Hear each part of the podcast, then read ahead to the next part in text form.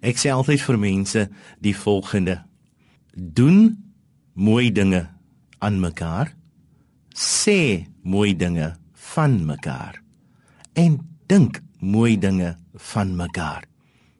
As jy hierdie 3 dinge doen, kan ek vir jou verseker, daar gaan nie tyd in jou lewe wees vir die lelike nie.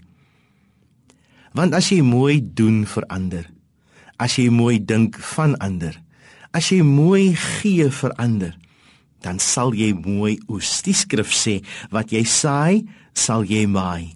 En weet jy, deur dit te doen, bevestig jy die waardigheid van ander mense. En so bou jy gemeenskap. 'n Gemeenskap wat mooi is, 'n gemeenskap wat fokus op die mooi, want weet jy, ons het mos genoeg lelike en slegte dinge wat ons elke dag hoor en sien op die nuus en in ons gemeenskappe betrag.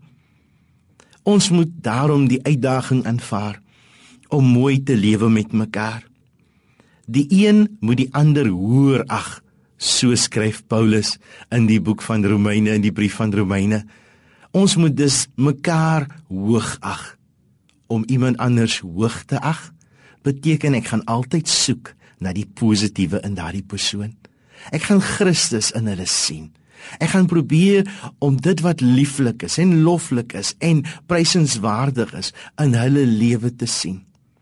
Want as jy iemand anders prys, dan sê jy mos mooi goed van hulle. Dan kraak jy hulle nie af nie. Dan plaas jy hulle daar waar waar Christus wil hê hulle geplaas moet word en dan bou jy saam aan die menswaardigheid van jou medeburgers, broers en susters in hierdie land. Die wêreld sê breek af, kraak af, verklein neer, beskinder, maak sleg. Maar weet jy, Christus se woord leer vir ons: julle moet mekaar lief hê. Soos ek julle liefhet, so moet julle mekaar lief hê. Daarom los Christus sy disippels met hierdie laaste opdrag en hy sê vir hulle: 'n nuwe gebod gee ek vir julle. Julle moet mekaar lief hê, want hieraan gaan die mense weet dat julle my disippels is. 'n Mooi dag vir jou.